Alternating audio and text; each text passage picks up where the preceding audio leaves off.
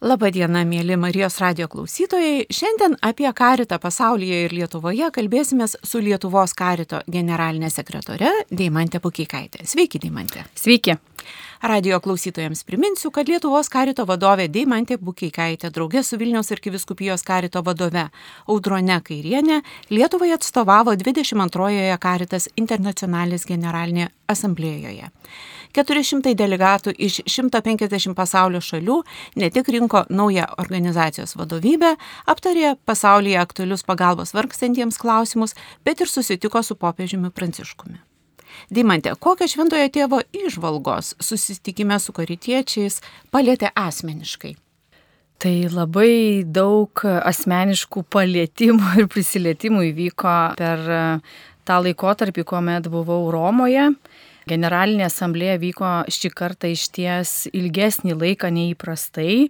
Šalia to dar ir Europos karitas vieną dieną prieš darė Europos karito tinklo atstovų vadovų šalių susitikimą. Na tai iš viso Romoje prabuvau beveik dvi savaitės. Tai buvo labai intensyvios dienos su labai pilna dienotvarkė, įvairiais patyrimais ir net pirmais kartais mane asmeniškai kaip bažnyčios bendruomenės narį, kaip karito kolegė bendradarbė palėtė asmenį susitikimą su popiežium, nes pirmą kartą gyvenime tokią dovaną turėjau ir paspaudimas rankos pačiam popiežiui, kuris truko akimirką, iš tikrųjų davė labai daug ir galbūt dar iki dabar nesuprantu, ką patyriau, kaip tą akimirką jaučiausi, nes gavau nuotraukas ne per seniai iš Vatikano, kas kart žvilgtelėjus į tą nuotrauką visą aplanko kažkoks skirtingas atminimas arba mintis, ką tuo metu stovėdama ilgoje eilėje link popiežiaus galvojau, patyriau ir panašiai, tai galbūt labiausiai įsimintiniausias ir matyti visą gyvenimą toliau mane lydėsiantis įvykis buvo prisilietimas prie švento tėvo ir be abejo galimybė jam pasakyti, kad Lietuvo žmonės meldžiasi už jį, nes buvo rekomenduota visų šalių atstovams tą sakyti popiežiui prie jo priejus. Tai čia toks vienas jau labai labai asmeniškas patyrimas man toje kelionėje. Na, o kas dar galbūt palėtė ir įsiminė iš tos audiencijos pas popiežių, tai be abejo pati popiežiaus kalba, kreipimasis į pasaulinį karitą, į ten esančius beveik 400 atstovų iš įvairių šalių, kraštų ir pasaulio kampelių. Ir tada be abejo, kad tuo pačiu kreipimasis į visą karito šeimą visame pasaulyje, kuriai priklauso tūkstančiai, gal net milijonai žmonių. Ir ta popiežiaus kalba, kuri tikrai buvo taikli, atspindinti šių laikų ženklus ir atkreipianti tiek pačios bažnyčios dėmesį ir galbūt tą globėjišką žvilgsnį pačią karito organizaciją, nes karitas nėra šalia bažnyčios veikianti organizacija, karitas yra bažnyčios dalis, bažnyčios misijos dalis, tai popiežius sudėjo tuos akcentus ir be abejo tada sudėliojo kitus akcentus, kurie buvo svarbus galbūt vieni vienoms šalims, kiti kitoms šalims, bet irgi buvo įdomių akcentų ir kreipimusi, kurie buvo labai įdomu ten klausyti, nors iš kitos pusės audiencija vyko italų kalba. Tai kai popiežius kalbėjo, nieko tą akimirką nesupratau, keletą žodžių itališkų, kurie yra tiesiog visuotiniai ir, ir bet kokia kalba atpažįstami, bet po to mes gavome popiežiaus kalbą, paruoštuką, kurio popiežius nesinaudojo per audienciją, jis tiesiog, kai jam padavė jau aplanką su kalba, popiežius pasakė, kad neskaitys šitos paruoštos, jis nori va čia ir dabar kalbėti su karito. Kreiptis į žmonės gyvai. Taip, kreiptis į žmonės čia ir dabar taip, kaip jam atrodo, ką jis nori pasakyti, ką galbūt šventoji dvasia jo lūpomis kalba kalbą karito žmonėms. Tai ta kalba tokia ten buvo trumpa, o paskui gavome jau tą pilną išsame kalbą, akcentus, kreipimas į pasaulinį karitą būtent tos generalinės asamblėjos progą.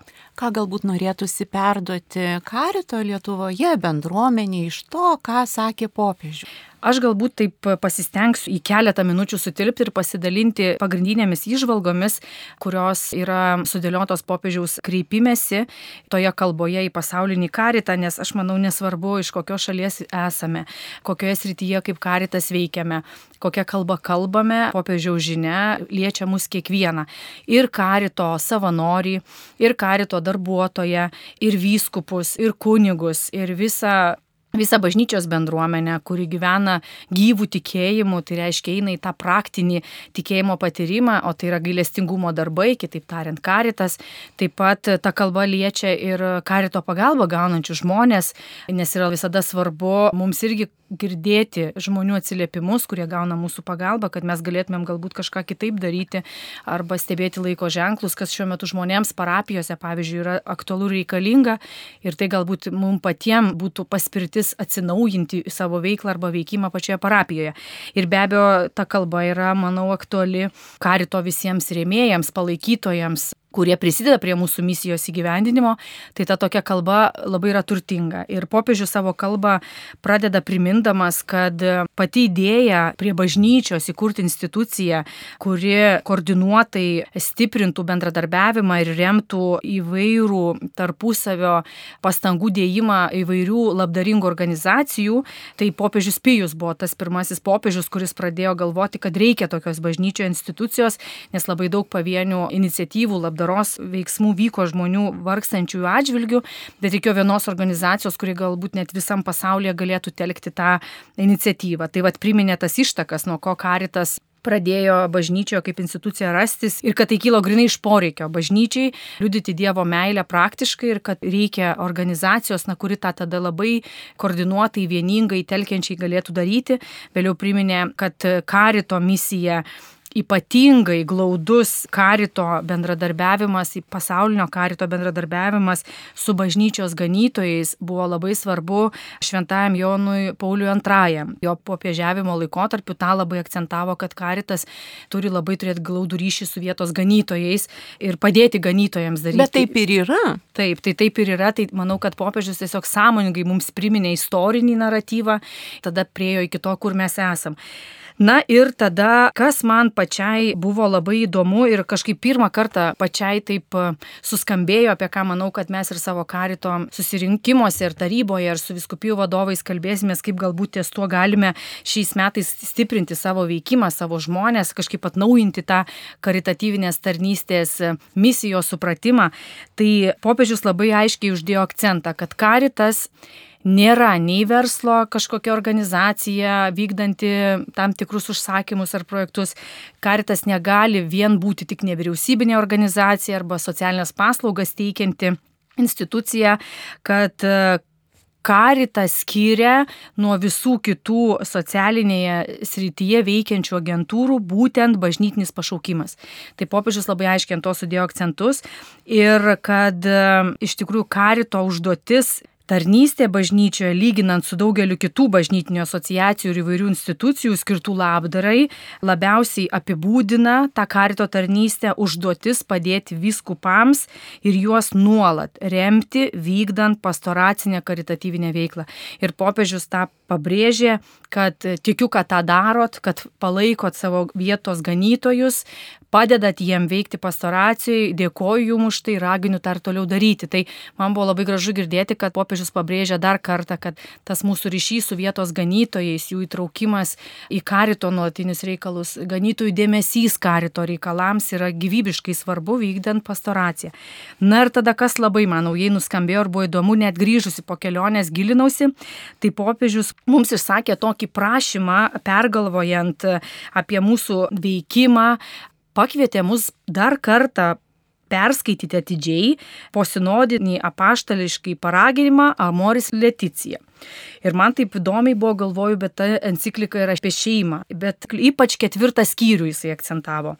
Ir nepaisant to, kad tai kalbam apie šeimą ar santokinį gyvenimą, bet sako, tikrai yra išvalgų, kurios jums padės naudingai orientuotis į darbą, kurį darot, kas jūsų laukia ateityje ir gal duos naujų įkvėpimų. Na ir aš grįžus pradėjau skaityti dar kartą encikliką, tą ketvirtą skyrių. Na, o ką, ir, ką mes randam tam ketvirtame skyriuje? Randam Švento Pauliaus himną apie meilę. Apie meilę, kadangi tai kalba apie meilę šeimoje ir iš to kylančius visus kitus dalykus, tai iš tikrųjų pirmą kartą pažiūrėjau karito veikimą per meilės himną ko niekada iki tol nebuvau kažkaip taip pati sąmoningai suvedusi.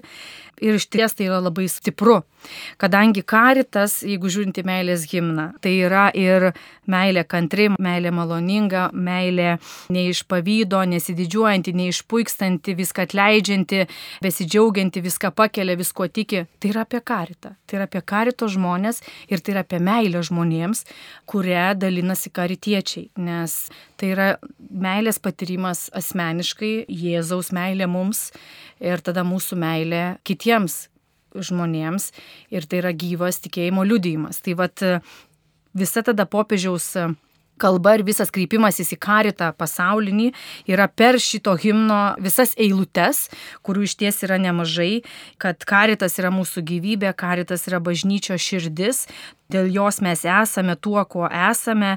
Ir kad primdami tą Dievo meilę, mylėdami vieni kitus, labiau gilinamės į savo tapatybę ir tada labiau suprantam, kas mes esam kaip asmenys ir kas esam kaip bažnyčia, jau žiūrint ir žvelgiant ir bandant suprastą savo gilę egzistencinę prasme šioje žemėje. Ir tada viską apmastydami mes suprantame ne tik savo gyvenimo vertę, bet ir koks brangus yra kitų žmonių gyvenimas. Ir tada kokie mes reikalingi galime būti tam tikrų metų kitų žmonių gyvenimuose. Ir kad kad kiekvienas yra svarbus, nerušiuokime žmonių, nes Dievo akise visi žmonės yra Jėzui vertingi. Tai vat, man čia irgi toks kartais karite sutinkam, kad, na, gal tie jau nebe tiek verti pagalbos, arba ten jie jau apgavę mus yra, na, žodžiu, rušiavimo, žmonių rušiavimo verti pagalbos, mažiau verti, mes to aptinkam savo ir karito veikloje, asmeniniai mano laikysenoje, nuostatoje. Tai popiežius apie tai kalba, kad taip, na, neturėtų būti, jeigu mes į kiekvieną žmogų žiūrim tomis Dievo meilės akimis, nes kiekvienas yra reikalingas pagalbos, kiekvienas svarbus ir kiekvienas yra vertingas. Ir artimo meilė ir artimo meilės poreikiai kelia mums nepatogumus kad provokuoja, žadina atsakomybę, įvairius jausmus ir dabar kaip su tuo tvarkytis. Ir tada popiežius sako tos audiencijos metu, Ar norit sužinoti, kaip patikrinti, ar krikščionis gyvena meilėje, meilę kitiem? Na ir ten tada visi itališkai si, nu, atsakė taip, kad norime, ne? Tai ten toks buvo truputį šurmulys ir juoko banga.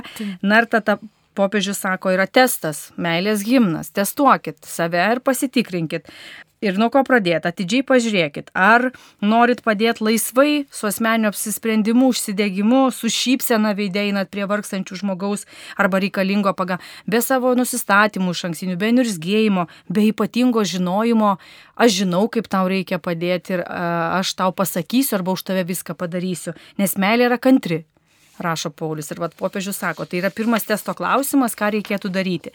Tada, kad meilė yra lydima geranoriškumo Tai reiškia, pirmiau reikia duoti erdvės kitiem, girdėti juos, įsiklausyti, išklausyti, priimti situacijas, žmonės tokius, kokie jie ateina. Ir tada nesilaikyti užsispyrus kažkokių savo asmeninių patirčių, ankstesnių laikysenų, ieškoti susitikimo ar tarpininkavimo taško. Tam reikia ir išminties, ir Dievo vedimo, ir tas nėra lengva. Nes kartais tikrai atrodo, kad tu greičiau gali padaryti žmogų ir spręsti jo situaciją, negu kol jis pats supras, kaip tą daryti. Bet geranoriškumas, tas kantrumas yra labai svarbu karito veikime. Tada, kad meilė yra nepasipūtusi ir ar arogantiška, turi saiko jausmą, nes kartais pernelyg didelė ir globėjiška meilė irgi gali atnešti ne tai, ko tikimės, ne? Kai, kaip sako, per stipriai mylėti irgi nėra, nėra išmintinga. Reikia duoti erdvės mylimam žmogui arba tam, dėl kurio darai kažką ir stengiasi.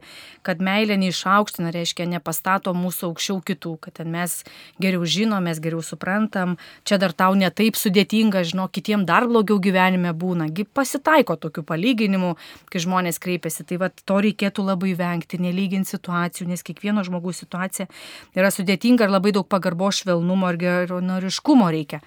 O tas taip nelengva, kai pavargę žmonės, pikti, nuskriausti ateina, būti švelniam geranoriškam tikrai yra iššūkis ir tikrai ta širdies ta treniruotė reikalinga. Tada kalbėjau apie tą nesavanodiškumą, kad mes padedam kitiems ne dėl to, kad kažko iš to tikimės, bet tiesiog norim dėl bendrojo gėrio daryti darbus ir matom savo bendruomenės, bažnyčios narius, kurie kenčia šiuo metu ir kuriem reikia labiausiai pagalbos.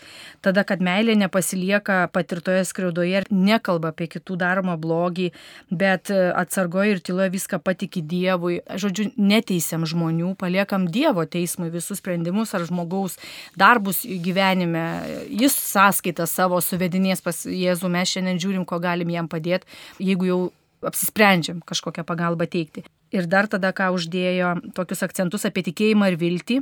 Ir man labai, vad, tikėjimas, viltis ir meilė. Ne? Mes žinom tris siekiamybės, kuriomis reikia remtis ir gyventi ir vadovautis tikėjimu, viltim ir meilė.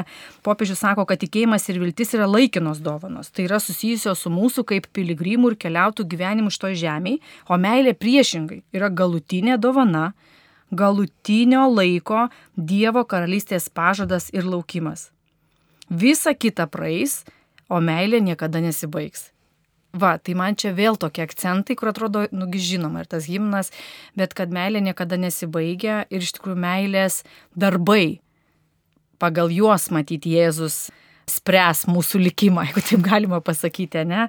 Tas sąskaitas arba savo uždarbį atsiskaitysim, jau kai ateis ta akimirka, kai susitikimas įvyks jau su Jėzumi, tai, tai tokių akcentų labai daug pridėliot ir man atrodo, kiekvieną iš jų taip imti ir mąstyti, kalbėtis, įtraukti bendradarbius, įtraukti ganytojus, įtraukti kunigus, įtraukti pasauliečius, kurie ateina į bažnyčią, ateina į karitą, netikėjimo vedini kažką daryti, o tiesiog... Gero širdies, galbūt. Taip, nori gerą darbą padaryti. Mhm. Ir per gerą darbą jie pradeda truputį smalsauti tikėjimo dalykais. Mano pačios asmeninė ateimo į karitą patirtis ir buvo. Per karitą aš pradėjau keliauti savo asmeninę tikėjimo kelionę. Tai vad karitas irgi toks kaip ir evangelizacinis įrankis yra šių laikų visuomeniai žmonės pakviesti į bažnyčią, bet tam irgi labai daug kantrybės, labai daug meilės reikia išlaukti, kol žmonės yra pasiruošę keliauti tikėjimo keliu, nes pradžioje keliauja atėjo iš pasaulio, keliauja pasaulio tempais, pasaulio keliais ir takeliais. Tai tą irgi reikia kantriai ir geranoriškai priimti, ne? bet visada rodyti pavyzdį, kuris anksčiau ir vėliau žmonės vis tiek užkrečia ir tada galim palidėti žmonės. Na ir pabaigoje visos savo kalbos popiežius be abejo kelia, visada kelia užduotis karito organizacijai, kaip jau pasauliniam karitui, kuris rūpinasi viso karito pasaulyje reikalais. Tai jis įvardino tris tokias užduotis, kurių trumpu apžvelgimu ir pabaigė savo kalbą ir kreipimas į visą pasaulinį karitą. Tai kad ta pirmoji užduotis bendradarbiauti su vietinė bažnyčia, siejant sėklas ir skelbiant Evangeliją gerais darbais. Tai paprastai tariant, na, žodžiu, bendradarbiauti reiškia su ganytojais, turėti nulatinį artimą ir, ir glaudų ryšį dėl visų bėdų ir reikalų, kas liečia vargstančių žmonės. Ir tada be abejo tas sieklas sėti, tai skelbiant Evangeliją gerais darbais, nes tikrai, kaip minėjau, iš sekuliarios visuomenės į bažnyčią tikriausiai labiau tikiu, kad žmonės ateis ne per Dievo žodžio skaitimą arba kad prisijungs prie rožinio maldos grupelės, jie visų pirma prisijungs prie karito veiklos, išgirdę, kad skelbiam daiktų rinkimą Ukrainai, kažkam kitam organizuojam vaikų vasaros stovyklą ir reikia pagalbininkų per tai ateis pasauliečiai, kurie neturi jokio ryšio. Ir patirtis rodo, kad per tai ateina. Ateina ir, ir tada lieka, lieka karite, lieka vėliau įsitraukia vis aktyviau į pačią bažnyčios bendruomenį, parapijos gyvenimą. Tai man atrodo, vat, tai tą užduotį popiežius dar kartą pabrėžia, kad ir tai kaip pirmą užduotį duoda karitui, kad mes bendradarbiautume su visuotinė bažnyčia ir tada va, tą sėklą sėtume ir kad vėliau išaugusiais vaisiais džiaugtumės. Antrą užduotį jisai mums sako, kad kad mes esam kviečiami palidėti vietinės bažnyčias įvairiuose pasaulio kampeliuose, kad jos aktyviai vykdytų savo pastaracinę labdarą. Ir kad labai svarbu ne tik pakviesti žmonės, kurie nori daryti gerus darbus, bet labai svarbu renkti kompetitingai pasauliečius, kurie geba nešti bažnyčios žinę į politinį ir socialinį gyvenimą. Tai reiškia, neužtenka degančio širdies meilė artimui, reikia žinių, reikia gebėjimų, jeigu mes norim tikrai tą bažnyčios žinę, bažnyčios misiją pakelti į politinį lygmenį, dalyvauti tikrai sudėtingame tame politinėme sprendimų prieimimo procese, o jo labiau tame socialinėme gyvenime, kur tikrai reikia žinių ir kompetencijų kartais kaip spręsti, nežinau, daugelio metų gilaus skurdo problemas žmonių bendruomenėse, mūsų parapijose. Ir trečia tada aišku užduotis, kad konfederacija, kuri kad labai orientuotųsi visuomet į vienybę, nepaisant to, kad apima labai daug skirtingų tapatybių, žiūrint į visą pasaulinį karitą. Ir kad popiežius kviečia mus konkuruoti netgi vat karito skirtingų bažnyčių kontekste konkuruoti rodant pagarbą vieni kitiem ir leisti konfliktams, kurie natūralu, kad kyla, kai yra labai daug įvairovės, labai daug tapatybių, labai daug skirtingų šalių su skirtingais iššūkiais, leisti ir nebijoti kylančių konfliktų ir tada stengtis, kad tie konfliktai vestų mus ne į susiskaldimą, bet į susitikimą, o per jį vėliau į augimą. Tai vad popiežius tuo ir pabaigė savo kreipimąsi ir pavedė mus visus Marijos bažnyčios motinos užtarimui ir paprašė už jį melstis mūsų ir pasakė, kad melsis už visą karitą ir tą didelę armiją, kuri meilės vedina tarnauja ir neša evangelinę žinę link tų, kuriem labiausiai to gyvenime trūksta. Ačiū Deimantė už tokią plačią popiežiaus žinios apžvalgą. Norėtųsi klausti, o kokie tie skirtumai, koks tas pasaulinis karitas, kokia yra mūsų karito šeima ir įvairovė joje? Pasaulinis karitas tikrai yra, kaip ir popiežiaus toje kalboje, labai margas ir įvairus. Karitas yra visose septyniose pasaulio žemynuose. Pasaulinį karitą sudaro 162 nariai. Nariai tai yra šalys arba nacionaliniai karitai Ir karitas veikia dviejuose šimtuose valstybių pasaulyje arba teritorijų. Tai pavyzdžiui, ir Fidži salose yra karitas, ir, ir pietų ir šiaurės. Bet kaip skiriasi realijos iš tiesų? Realijos tikrai skiriasi, problematika skiriasi, jeigu vienos Afrikos šalys ir Afrikos karito žmonės dalinasi, kad žmonės badauja, žmonės miršta dėl vandens trūkumo, lygos visokios siaučia, tai jeigu žiūrint į Europą ir tarkim Lietuvą, nei mes badaujame, nei mes vandens stygių jaučiame, nei pas mus epidemijos kažkokios siaučia, kurios kyla dėl, pažiūrėjau, nešvaros, dėl e, karščio milžiniško ir panašiai. Tai skirtumų tikrai yra labai įvairių. Mes šiaip žinom, kad pasaulis labai skirtingas. Tai lyginant tą karitą, projektai, programos, e, bendruomeninio karito iniciatyvos irgi yra labai skirtingos. Pavyzdžiui, kuo skiriasi pasaulinio karito kai kurių valstybių reikalai arba sritys, į kurias jie deda prioritetus nuo Lietuvos. Visos generalinės asamblėjos metu buvo nuolat akcentuojami tokie keli momentai, aspektai, kurių metu e, dienotvarkėje vykdavo ir pristatymai, skirtingos šalis pasisakydavo ir Afrika, ir Okeanija, ir Australija, ir Amerika, ir Europa. Na, žodžiu, visi, visų šalių atstovai keldavo tam tikras temas, bet tikrai per visas dienas e, daugiau daugiau nei savaitę jautėsi, kad labai didelį fokusą deda jauno žmogaus vieta bažnyčioje apskritai ir tada karite, kad e, reikia stiprinti mums jaunų žmonių įtraukimą į bažnyčios misiją Ir tada kaip tą daryti, kad galbūt nebeveikia seni metodai, įrankiai ar praktikos, kaip anksčiau žmonės ateidavo į misijas arba tarnauti, kad dabar jaunimas yra visai kitoks, šio laikiškas, dar aišku nuo šalių kontekstų priklauso. Tai viena jauno žmogaus vieta bažnyčioje, tada vieta karite ir apskritai įtraukimo būdai. Pavyzdžiui, jaunimas iš Libano kalbėjo apie jų veiklas Libane, apie tai, ką jie daro, kaip svarbu jaunimui, jaunam karitui turėti savo aprangą, savo logotipą, savo šūkį. Tai atrodo tokie paprasti dalykai, bet pats jaunas žmogus liūdė. Jauno karito linija, programa yra labai aktuali Lietuvai. Šiuo metu mes karito tinkle apie tai galvojame, kaip tą plėtoti, kaip tokią vieningą programą ruošti, nes jaunų žmonių turime, neturime atskiro jiems palidėjimo. Na, žodžiu, tai irgi mūsų kaip yra viena iš strateginių gairių. Tai skambėjo kaip bendrybė, ar ne? Taip, tai, ką kalba pasaulis, ką kalba šalis įvairios iš, atsakau, skirtingų žemynų, kad mums ir Lietuvai šiuo metu tas svarbu ir mes apie tai kalbame, tai tikrai tą atpažinau. Tada, kur manau, kad mums nėra aktualu taip, kaip aktualu kitose šalyse, pavyzdžiui, Afrikos e, žemynė karitui, tai yra moterų įtraukimas ir įgalinimas konfederacijoje, tai karito konfederacija, bet ir pačioje bažnyčios misijoje. Na, Lietuvoje karite ir atsakingose pareigose ir konkrečiose programuose, tikrai moterų Lietuvoje ir pačioje bažnyčioje bendrai žiūrint, bet ir karito struktūra veikia labai daug ir tikrai turi ir tam tikras aukštas pareigas. Moterys, tai mes na, neturim tos problemos, kad moterys yra nugalintos, neįtraukiamos, kad nėra tos lygybės moterų, kad jos neturi galimybių reikštis bažnyčioje. Tai man atrodo, kad mes Lietuvoje šitos problemos na, neturim arba aš jos net pažįstu, bet karito struktūra kaip tik didžioji dalis moterų veikia tose artimo meilės darbuose, gal mums problema yra vyrų įtraukimas į, į karitatyvinės tarnybas. Čia jau skirtumą matyti. Jo, čia tokį matau, kad nes kitoms šalims reikia programų, kur, žinot, vykti į tas šalis, pažiūrėjau, Afrikos šalis, kalbėti su vyriausybėm, kad moterų įtraukimas yra svarbus ir galimas. Na tai mūsų šaliai tas nėra svarbus, arba kur mums reikėtų dabar galvoti savo veikimą ar kažką pergalvoti. Tai šitas be abejo tada kariniai konfliktai pasaulyje ir kad visame pasaulyje šiuo metu vyksta apie 4 44 karinius konfliktus, kuriuose vienaip ar kitaip karito organizacijai pasauliniai tenka dalyvauti, reiškia organizuojant tą humanitarinę pagalbą, gelbėjant žmonių gyvybės arba aprūpinant juos maistu, vandeniu ir kitais reikalingais daiktais.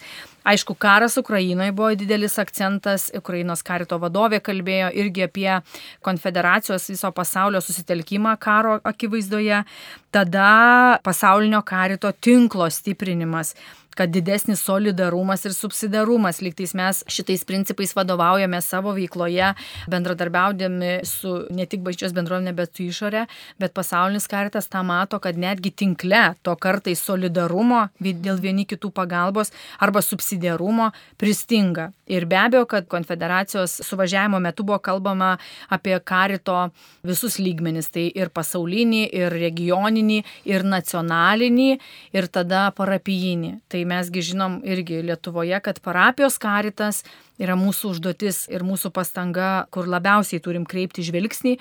Tarkim, Lietuvoje nacionalinio karito pastangos, viskupijos karito pastangos turi būti nukreiptos į parapijinį lygmenį, nes tai yra arčiausiai žmonių esanti karito struktūra. Ir popiežius taip pat tai akcentavo. Popiežius tai paminėjo ir viso pasaulinio karito suvažiavimo metu daug liudijimų įvairių ir pasidalinimų buvo, pradedant nuo to parapijinio ligmens karito, jo stiprinimo, ką daryti, kaip daryti, nes ne tik Lietuvoje nyksta maži miesteliai, parapijos traukiasi, pasaulyje tas irgi yra jaučiama, tik tai sakau, kad tie skirtumai Na tikrai jie jaučiami ir yra dideli. Pavyzdžiui, Fidži salos. Karitas darbuojasi su nuolatiniais iššūkiais dėl potvinių uraganų. Ir nuplauna viską potviniai, jie atslūksta, tada atstato viską ir žino, kad vėl nuplaus po kažkiek ten, po savaitės, po mėnesio ar kelių.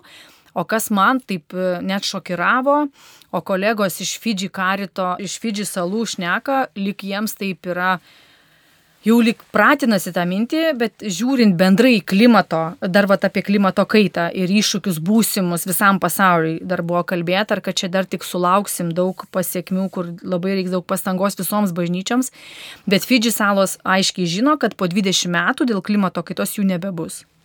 Tai va aš gau, kaip dirbti, žinant, kad po 20 metų neliks žemės, ant kurios tu dabar kuri gyvenimus padedi žmonėm. Tai va tokie ir skirtumai. Mes Vadinasi, Lietuvoje, kitiems karitams reikės priimti to žmonės. Reikės priimti ir klimato kaita, dar, sako, dešimties metų laikotarpyje labai bus didžiulis iššūkis dėl pabėgėlių, klimato pabėgėlių pasaulyje, jau dabar tas vyksta, bet tikrai klimato kaita labai stipriai palies šalis, tokias kaip Afrika arba, arba įvairias salas, kur tiesiog jų neliks, jas užlies ir tie žmonės tada turės gelbėtis, turės kažkur keliauti. Ir vad man atrodo tada, ką popiežius kalba apie keliauti keliaujančią bažnyčią, apie prieimimą vieni kitų, tai gali būti, kad ir net Lietuva paliestos tie klimato kaitos pokyčiai pasaulyje, nors mes tikrai esam nu, Dievo užanti. Nei mes drebėjimų žemės turim, nei potvinių mes turim, nei kažkokių tragiškų sausrų turim. Tai kažkaip galvoju, kai palygini savo šalį su kitomis pasaulio šalimis ir karito misija ir užduotimis, tai atrandi labai daug skirtumų bet atrandi ir tuo pačiu bendrų dalykų, o bendras dalykas yra kasdienė pastanga dėl žmogaus, kuris yra reikalingas pagalbos. Kaip tik ir norėjau klausti, va tam bendram pasauliniam karito kontekste, kaip atrodo Lietuva, ko mes galėtume pasimokyti iš kitų valstybių ir galbūt kitos valstybės iš mūsų. Tai aišku, mes Lietuvoje karitas veikiame jau, vat, kitais metais bus 35 metai, kaip veikia karitas atkurtoje Lietuvoje. Tai dalinantis su kito pasaulio karitų atstovais tiek pačioje Europoje, tiek pasaulyje, ką veikia karitas Lietuvoje, tikrai sulaukiam nuostabos ir pasidžiaugimo, kad turim tokį platų pagalbos tinklą. Aš manau, kad karitas Lietuvoje yra didžiausia nevyriausybinė organizacija, kur yra bažnytinė dar organizacija turim plačiausią pagalbos tinklą, nes labai skirtingom tiksliniam grupėm teikiam pagalbą žmonėm. Tai ir pagalba vaikam ir šeimom, ir pagalba seneliam, ir pagalba benamystė išgyvenantiem, tai ir benamystės dienos centrai, ir vargstančių valgyklos parapijose. Tada pagalba epilepsija sergantiem, pagalba iš įkalimo įstaigų išeinantiem, darbas su iš įkalimo įstaigų išeinančių žmonių artimaisiais, nes čia yra labai didelis poreikis pagalbai. Tada taip pat esame šalia žmonių, kurie serga įvairiom priklausomybėm, kurie patiria smurtą, kurie yra išnaudojami, įtraukiami į prostituciją arba patenka į priekybą prekybos žmonėmis pastus, dirbame su migrantais, pabėgėliais, prieglapšio prašytojais, turime vaikų dienos centrų tinklą, kur ir parapijoje veikia vaikų dienos centrai, juos globuom. Na tai tų sričių, kai pradedam vardinti kitų šalių atstovam, ką daro karitas Lietuvoje, tai tikrai jie nustemba ir gera tuo dalintis. Aš manau, kad karitas Lietuvoje labai stipriai yra užaugęs ir valstybė mus mato kaip vieną iš pagrindinių organizacijų ir pagalbininkių ištikus kažkokiai dideliai nelaimiai. Arčiausiai žmogaus pastebi jo. Arčiausiai žmogaus žmogaus, žino, kas dedasi žmonių gyvenimuose, gali čia ir dabar kelti problematiką ir gali pasiūlyti, ką daryti, kas yra reikalinga galbūt įstatymų keitime, kad na, ta pagalba, jos teikimas žmonėms būtų adekvati, prieinama ir taikli, ką mes visada kalbam, kad kartais yra daug priemonių dėl žmonių, socialinių priemonių, bet žmonės prie jų neprieina, jie net nežino, kas jiems priklauso arba kas galėtų padėti žmogui stotis ant kojų. Tai čia vat, yra, yra svarbu. Ir tada be abejo mes Lietuvoje dedame didžiulės pastangas veikti dviejomis kryptimis, kaip ir veikia karitas istoriškai. Tai yra tas institucinis karitas, mes vadiname, tai yra įvairios programos projektai. Iš kitos pusės mes bendruomeninis karitas mums yra ne ką mažiau svarbus. Ir pats didžiausias mūsų akcentas ir pastanga tikrai dedama dėl bendruomeninio karito stiprinimo. Tai pasaulyje yra ta pati linija. Irgi bendruomeninis karitas yra svarbu. Tai yra viskas, kas daroma savanoriškai ir iš tos tikėjimo perspektyvos, jėgos ir noro tikėjimą išgyventi praktiškai. Bet lygiai taip pat yra svarbu turėti tam tikras profesionales, kompetitingas pagalbą galinčias teikti programas, kurios turi specialistus, pažiūrėjau, dirbti su priklausomais asmenimis. Tai neišeis jų konsultuoti arba palidėti jų sveikimo procese žmogui, kuris na, neturi tam tikrų žinių. Dėl to karite yra reikalingi ir socialiniai darbuotojai, ir psichologai, ir vaikų dienos centrų darbuotojai, tai pedagogai ir panašiai. Tai tas labai yra panašu kaip ir kitose šalyse, taip ir, ir pas mus. Tai Karitas palyginus su kitom šalim tikrai atrodo gerai. Europoje mes esam vieni iš stipresnių šalių, ypač tų posovietinių valstybių lyginant karitus. Tai mes Lietuvoje tikrai labai stipriai ir dar ką visi nustemba Europos lygmenyje, kad mes turim tokį gerą ryšį ir santykių su valstybės institucijom, su pačia prezidentūra, socialinės saugos darbo ministerija, kad mūsų kviečia į darbo grupės. Ištiko karas Ukrainai, buvo neteista migracija, buvo pandemija, mes sėdėjom prie vieno stalo su vyriausybės atstovais, su vairių ministerijų atstovais atstovais, kaip partneriai, į kuriuos valstybė kreipiasi pagalbos ir žino, kad bažnyčia, šiuo atveju bažnyčios organizacija Karitas, gali būti labai stiprus ramstis kažkokioje krizėje ar nelaimiai. Tai vad kitos šalis to neturi, nors atrodo vykdo bendras programas. Tai manau, kad mes labai stipriai esam vertinami mūsų šalyje ir tuo reikia didžiuotis, bet iš kitos pusės be abejo turime ir savų iššūkių, kurie aktualūs yra savam kraštui. O ko iš ko galėtume pasimokyti, kalbant apie pasaulinio karito patirtį? E, manau, kad galėtumėm pasimokyti, kaip dar labiau įgalinti žmonės, kuriems trūksta tam tikrų darbinių gebėjimų ir įgūdžių. Turime gražią iniciatyvą Vilniaus karito žvakeles, kurie kasmet ruošia gerumas mus vienė žvakelės mūsų ir, ir darbina žmonės, kurie tikrai yra labai sudėtingoje situacijoje, praradę darbinius įgūdžius, kad truputį žmonės pastiprinti ir galbūt vėliau jie savarankiškai galėtų įsilieti darbo rinką. Tai kitos šalis turi vairių iniciatyvų, tokių socialinių, kaip pavyzdžiui, drabužių persiuvimai, susiuvimai įvairūs, gamyba tam tikra, kur tikrai žmonės, na, karitas yra vieta žmogui ateiti, dirbti ir užsidirbti, bet aišku, tam reikalingos ir investicijos, tam reikalingos ir žinios. Tai galbūt tai yra, ko mes galėtumėm pasimokyti, ypatingai žiūrint, pavyzdžiui, į atliekų rušiavimą arba tos tekstilės perdirbimą arba bent jau tekstilės antrinį panaudojimą, ką mes kaip karitas ypatingai patiriam, nes daug žmonių nori mums atiduoti drabužius, daiktus, kurių jau tiek mums nebereikia, nes mūsų tiek žmonės nebeprašo. Ir čia tas perteklius yra, su juo kažką reikia daryti. Tai man atrodo, va čia, o kitos šalis, pažiūrėjau, Lenkai turi tikrai labai įvairių programų, idėjų, iniciatyvų, kurias galbūt galėtumėm perkelti į Lietuvą. Kas dar, tai tikrai, pavyzdžiui, Slovenijos karitas turi stiprią programą jauno karito jaunų žmonių įtraukimui, tai vyksim pas juos į svečius, nes norisi mokytis ir gerą patirtį perkelti į Lietuvą, kad irgi galėtumėm na, sustiprinti jaunų žmonių angažavimąsi gailestingumo darbuose ir tuo pačiu tada jų buvimą, išbuvimą ir pasilikimą bažnytinėse bendruomenėse. Tai va iš kitų šalių irgi galime pasimokinti, ką daryti. Dar aišku, galbūt ateityje kitos šalis labai deda daug pastangų, pažiūrėjau, ta pati vėl Slovenija turi na vieną projektą projektą ar programą Lenkai. Jie dirba trečiosiose šalise, kur, žinot, gelbė žmonės, ten stato vandens šaltinius, prisideda prie tam tikrų švietimo programų, kur Afrikoje vaikai turėtų galimybę mokytis. Tai mes Lietuva neturime tokių programų, nors manau, kad galėtumėm būti pajėgus kažkada irgi pagalvoti jau apie pagalba ne tik Lietuvo žmonėm, bet ir dar net trečiųjų šalių, nes karas Ukrainoje parodė, kad mūsų šalis, mūsų žmonės jau gebam ir turim tiek, kad galim dalinti su tais, kurie tikrai dar tokių išteklių resursų neturi. Tai įvairių minčių sukelia pabuvimas kartu su pasaulinio karto kolegomis, galva atrodo sproksta nuo idėjų ir minčių, bet visada suprantu, kaip parvažiuosiu į savo šalį, į savo Lietuvą, į savo karito komandą truputį praeis laiko, žiūrėsim, stebėsim laiko ženklus, visos asamblėjos metu buvo kalbama, stebėti laiko ženklus, stebėti laiko ženklus ir pagal tai organizuoti karitatyvinės veiklas, nes patiems mums kelti kažkokių bangų nereikia, reikia žiūrėti, kur esam kviečiami, kur esam reikalingi ir ten tada eiti tarnauti. Turbūt karitas ne ta organizacija, kur susigalvoja problemas, bet iš tiesų labai jas atpažįsta, būdamas arčiausiai žmonių? Ir visos mūsų iniciatyvos ir pastangos kyla iš poreikio. Jeigu jaučiam poreikį vieną veiklą perorientuoti ir daryti kažką kitaip, pandemija buvo puikiai treniruotė, kai dirbam įprastai ir staiga reikėjo uždaryti duris ir nebegalim gyvai susitikti, o kiek žmonių yra reikalingų mūsų pagalbos ir ieškojom būdų, kaip perduoti paramos maišelį, kaip konsultuoti saugiu atstumu laukia, po medžiu atsisėdus ir panašiai. Tai vad praktika, realus buvimas buvimas, kasdienis buvimas šalia žmonių tikrai keičia karito veikimo įprastus metodus, modelius, įrankius ir tas yra labai natūralu, nes tai yra atsinaujanti bažnyčia, kuri nuolat žiūri į aplinką, reaguoja, ko trūksta ir, ir tada pagal galimybės bando tą atliepti ir pasiūlyti. Štai tiek įspūdžių iš tarptautinio renginio, iš karito šeimos susitikimo Romoje, kuris vyko gegužės 11-17 dienomis. Karitas internacionalis asamblėjoje ne tik aptartos karito aktualijos ir galimi reagavimo būdai į pasaulyje patirimus iššūkius, bet ir išrinkta nauja vadovybė.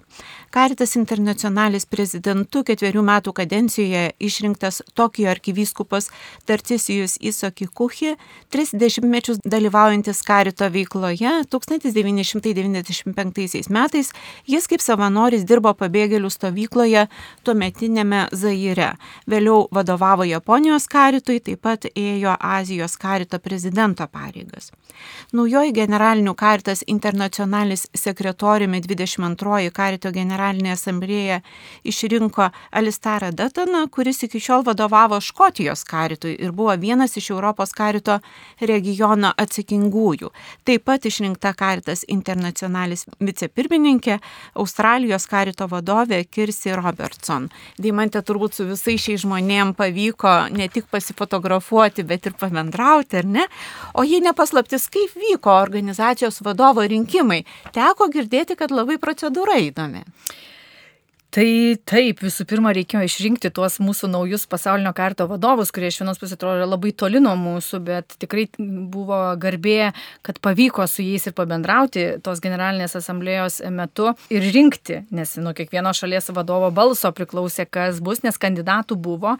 Tai e, arkivyskupas Tokijo Kikuči labai paprastas žmogus, labai šiltas žmogus ir tikrai labai gražiai pasakojo apie savo veiklą pabėgėlių stovykloje, kuri tikrai pakeitė jo labai daug uh, kaip jisai pats sakė, įprastų praktikų, kaip priimti žmogų, nes kai va, atsiduri pabėgėlių stovyklų, žmonės visko netekia, tikrai tai labai paliečia ir verčia susimastyti.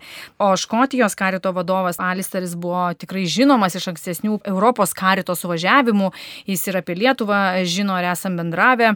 Nauja buvo Australijos karito vadovė. Visas rinkimas iš tikrųjų buvo labai, pirmą kartą tokiame dalyvavau procese, kai reikia taip slaptai viską daryti. Žodžiu, mūsų sukvietė 140 septynių šalių vadovus į atskirą patalpą, tik vadovai susirinko, visi turėjom po parašu pasidėti, kad tikrai esam ta šalis, kuri užsiregistravom, turėjom visi savo balsavimo korteles parodyti.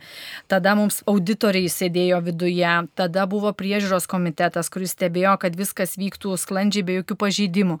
Tada, žodžiu, išdalino kiekvienam asmenišką kortelę su visais kandidatais, davė laiką pažymėti, už kurį balsuojam. Tada kiekviena šalis ėjo iš eilės prie balsadėžės, pakviesta pagal pagal šalies pavadinimą parodė, kad atsineša tą balsavimo lapelį, biuletenį ir įmetėme tokią skaidrę dėžę, kurioje matosi, kad tikrai lapeliai kažkur kitur neiškrenta arba neatsiranda kažkokių pildomų. Kiekvieną biuletenį skaito garsiai, už kokį kandidatą, kokį balsą davė. Tai galiu pasakyti, kad prezidentą išrinkom iš trečio karto. Tai žinokit, turėjo balsavimas į vieną valandą, mes gal tris valandas ten uždaryti prasidėjom. Išėjimas e, kažkur truputį buvo komplikuotas, nes nenorėdavo išleisti. Nes, na, žodžiu, tikrai labai atsakingai labai procedūriškai rimtai žiūrėjo į pasaulinio karito vadovo rinkimą, prašė konfidencialumo, apie tai, kokius balus surinko, kokie kandidatai, kokie, e, žodžiu, pasiskirstimai balų. Išrinkom, jau kai mes viduje išrinkom ir pasveikinom ir pasidarėm nuotraukas, selfius su išrinktų prezidentų, negalėjom to žinios kol kas niekam parašyti, nes, pažiūrėjau, mano kolegė Audronė buvo kitoj mhm. salėje, kuri klausė pranešimus ir klausė, tai ar jau žinom kas. Aš ją atrašau, žinau, bet negaliu pasakyti. Nes, nes tvarka kaip bažnyčioje. Taip, įsipareigojau konfidencialumui. Tada ateina komunikacijos skyrių žmonės, paima tą žinią, nuneša į salę, padaro viešą pranešimą ir tada mes visi vadovai su naujai išrinktų prezidentu grįžtam į bendrą salę, kur yra apie 400 delegatų, visi sveikina. Tai tikrai, na, procedūros rimtos, bet ir rimta, rimta užduotį atliekam, nes išrinkti pasaulinio karito vadovą, kuris, na, turi didžiulę atsakomybę už visą karitą pasaulyje, iš ties yra rimtas dalykas. Taip, minėjote, kad teko sutikti karito vadovų, kurie lankėsi Lietuvoje prieš daugiau nei 30 metų vos atkūrus mūsų šalyje karitą. Galbūt ir mūsų šalyje kažkada įvyks pasaulinio karito susitikimas ir įvairia tautė, įvairia rasė, įvairia kalbė karito šeimyną pamatysime pas mus Vilniuje, Kaune. Tikrai pamatysime, aš labai noriu, kad Europos karitas, nes čia jau kalbam apie nebe pasaulinio karito suvažiavimą, bet regioninį, tai reiškia Europos karitą. Aš tikrai pati labai noriu pakviesti visą Europos, visus kolegas atvykti į Lietuvą, nes jau mes turim ką parodyti ir galim didžiuoti savo darbais bažnyčioje ir man atrodo, atrodo, tai ir tai šaliai yra labai stiprus dėmesys, nes kai vyks regioninio Europos karito suvažiavimas, vis tiek visa žiniasklaida yra nušviečiama. Tai man atrodo, tai būtų stipru ir tą labai noriu ir labai tikiuosi, kad per keletą metų tą pavyks padaryti ir galės visos šalis atvykti į Lietuvą. Na, o iš tikrųjų pačiai buvo didžiulė dovana, nes prieš pasaulinę asamblėją dar vyko vienos dienos Europos karito suvažiavimas ir susitikimas. Paminėjome Europos karito 30-metį, nes šiemet mini kaip regioninis kartas 30 veiklos metų. Ir ten buvo pakviesti įvairių šalių atstovai pasidalinti kokią kelionės patirtimi per tiek daug metų. Žodžiu, kiekviena šalis ką kaip norėjo. Mes tik nuvežėm dovanų, ne, nesakėm jokių kalbų ir staiga išstoja vienas atstovas iš Belgijos karito vardu Dominikas ir jisai sako, o aš jums papasakosiu labai įdomų atsiminimą, kuris vyko prieš daug, daug metų. Mes, sako, buvom Lietuvoje ir mano tik ausis iškart įsitempė, nes išgirdau žodį Lietuva ir jis papasakojo, kaip 97 metais Lietuvoje vienintelį kartą Europos karito šalis buvo suvažiavusios, tai 97 metais, tai duokit prieš kiek čia metų, labai daug metų, bet jis atsistojo ir papasakojo savo įvykius, prisiminė kuniga Robertą Grygą, kuris buvo tuometinis karito vadovas ir jis papasakojo, kaip visa kelionė, kad važiavo į šalį, kur yra Europos pakrašty, kad, žodžiu, lėktuvai, e, oro uostai nelabai buvo tiesioginių skrydžių, kad kol visi suvažiavo, kilo visokių iššūkių, bet jie labai norėjo Lietuvą palaikyti po nepriklausomybės atkūrimo, dėl to važiavo į Lietuvą pastiprinti Baltijos šalis ir pasakojo, kaip viskas buvo kitaip jiem iš vakarų šalių atvykus, bet ką jie labiausiai Lietuvoje patyrė ir kas ačiū Dievui iki šiol Lietuvoje yra išlikę mūsų karito veikloje, kad jam atvykus į Lietuvą jo lagaminas prapuolė. Ir žodžiu, jo lagaminas pas jį atvyko po keturių dienų, o jisai sako, aš atvykau taip, kaip stoviu. Tai sako, man Lietuvos karito žmonės ir drabužių surinko, ir avalinę, ir dantų šepetuką, ir žodžiu, visko, ko man reikėjo, sako, manim taip pasirūpino. Tai sako, atvykęs į generalinę konferenciją, aš patyriau vietinio karito rūpės ir globą. Ir sako, sako, tikiu, kad va, va tai mes karitas darom ne tik su pagalbos reikalingai žmonėm, dėl kurių bažnyčia kiekvieną dieną būdi ir mato labiausiai paribį esančius, bet sako, net karitas karitui kartais tam tikrose situacijose irgi galim padėti ir sako, man tikrai labai paliko jam gilų įspūdį, nes žiūrėkit, žmogus e, po šitiek metų dalinasi nuo po 16 metų, kaip jam buvo patirtis Lietuvoje. Tai aišku, aš paskui irgi su juo pasisveikinau, pasidariau selfį, nusintėm kunigui Robertui Grygui linkėjimus ir jis paprašė kontaktų, kad atvyksta kars nuo karto vis dar į mūsų šalį su žmona patostogauti ir kad jam Lietuva kelia labai šiltus ir gerus prisiminimus. Mėlyjams Marijos radio klausytojams belieka priminti, kad Karitas yra pasaulinė katalikiška organizacija, padedanti žmonėms jų vargė, nepaisant tautybės, amžiaus, tikėjimų lieties ir kitų skirtumų. Vien per praėjusius metus Karitas Lietuvoje padėjo apie 70 tūkstančių žmonių, kurie stokojo maisto, daugiau nei 15 tūkstančių vienišų žmonių, beveik 36 tūkstančiams karo pabėgėlių, beveik 6 tūkstančiams sergančių žmonių, daugiau nei 4 tūkstančiams vaikų vaikų. Prie karito misijos malda, auka ar savanorystė galite prisijungti ir jūs. Daugiau informacijos apie organizaciją ir kontaktus rasite interneto svetainėje Karitas LT arba savo parapijoje. Galima domėtis, ką veikia Karitas ir jungtis prie savo parapijos karito veiklų ir tikrai atvykus į bažnyčią galima ir klebono klausti, ką galima nuveikti. O jeigu nėra karito parapijoje, gal, gal kažkas šiuo metu iš Marijos radio klausytojų pagalvos, kad e, gal nuo manęs reikia kažką pradėti, kad mano parapijų karitas atsirastų. Tiek šiandien apie Karitas internacionalis generalinę asamblėją, kuri vyko Romoje. Kalbėjomės su Lietuvos karito generalinė sekretorė Deimantė Bukeikaitė. Laidą vedžiau aš, Lietuvos karito komunikacijos koordinatorė Jeva Urbonaitė. Sudė.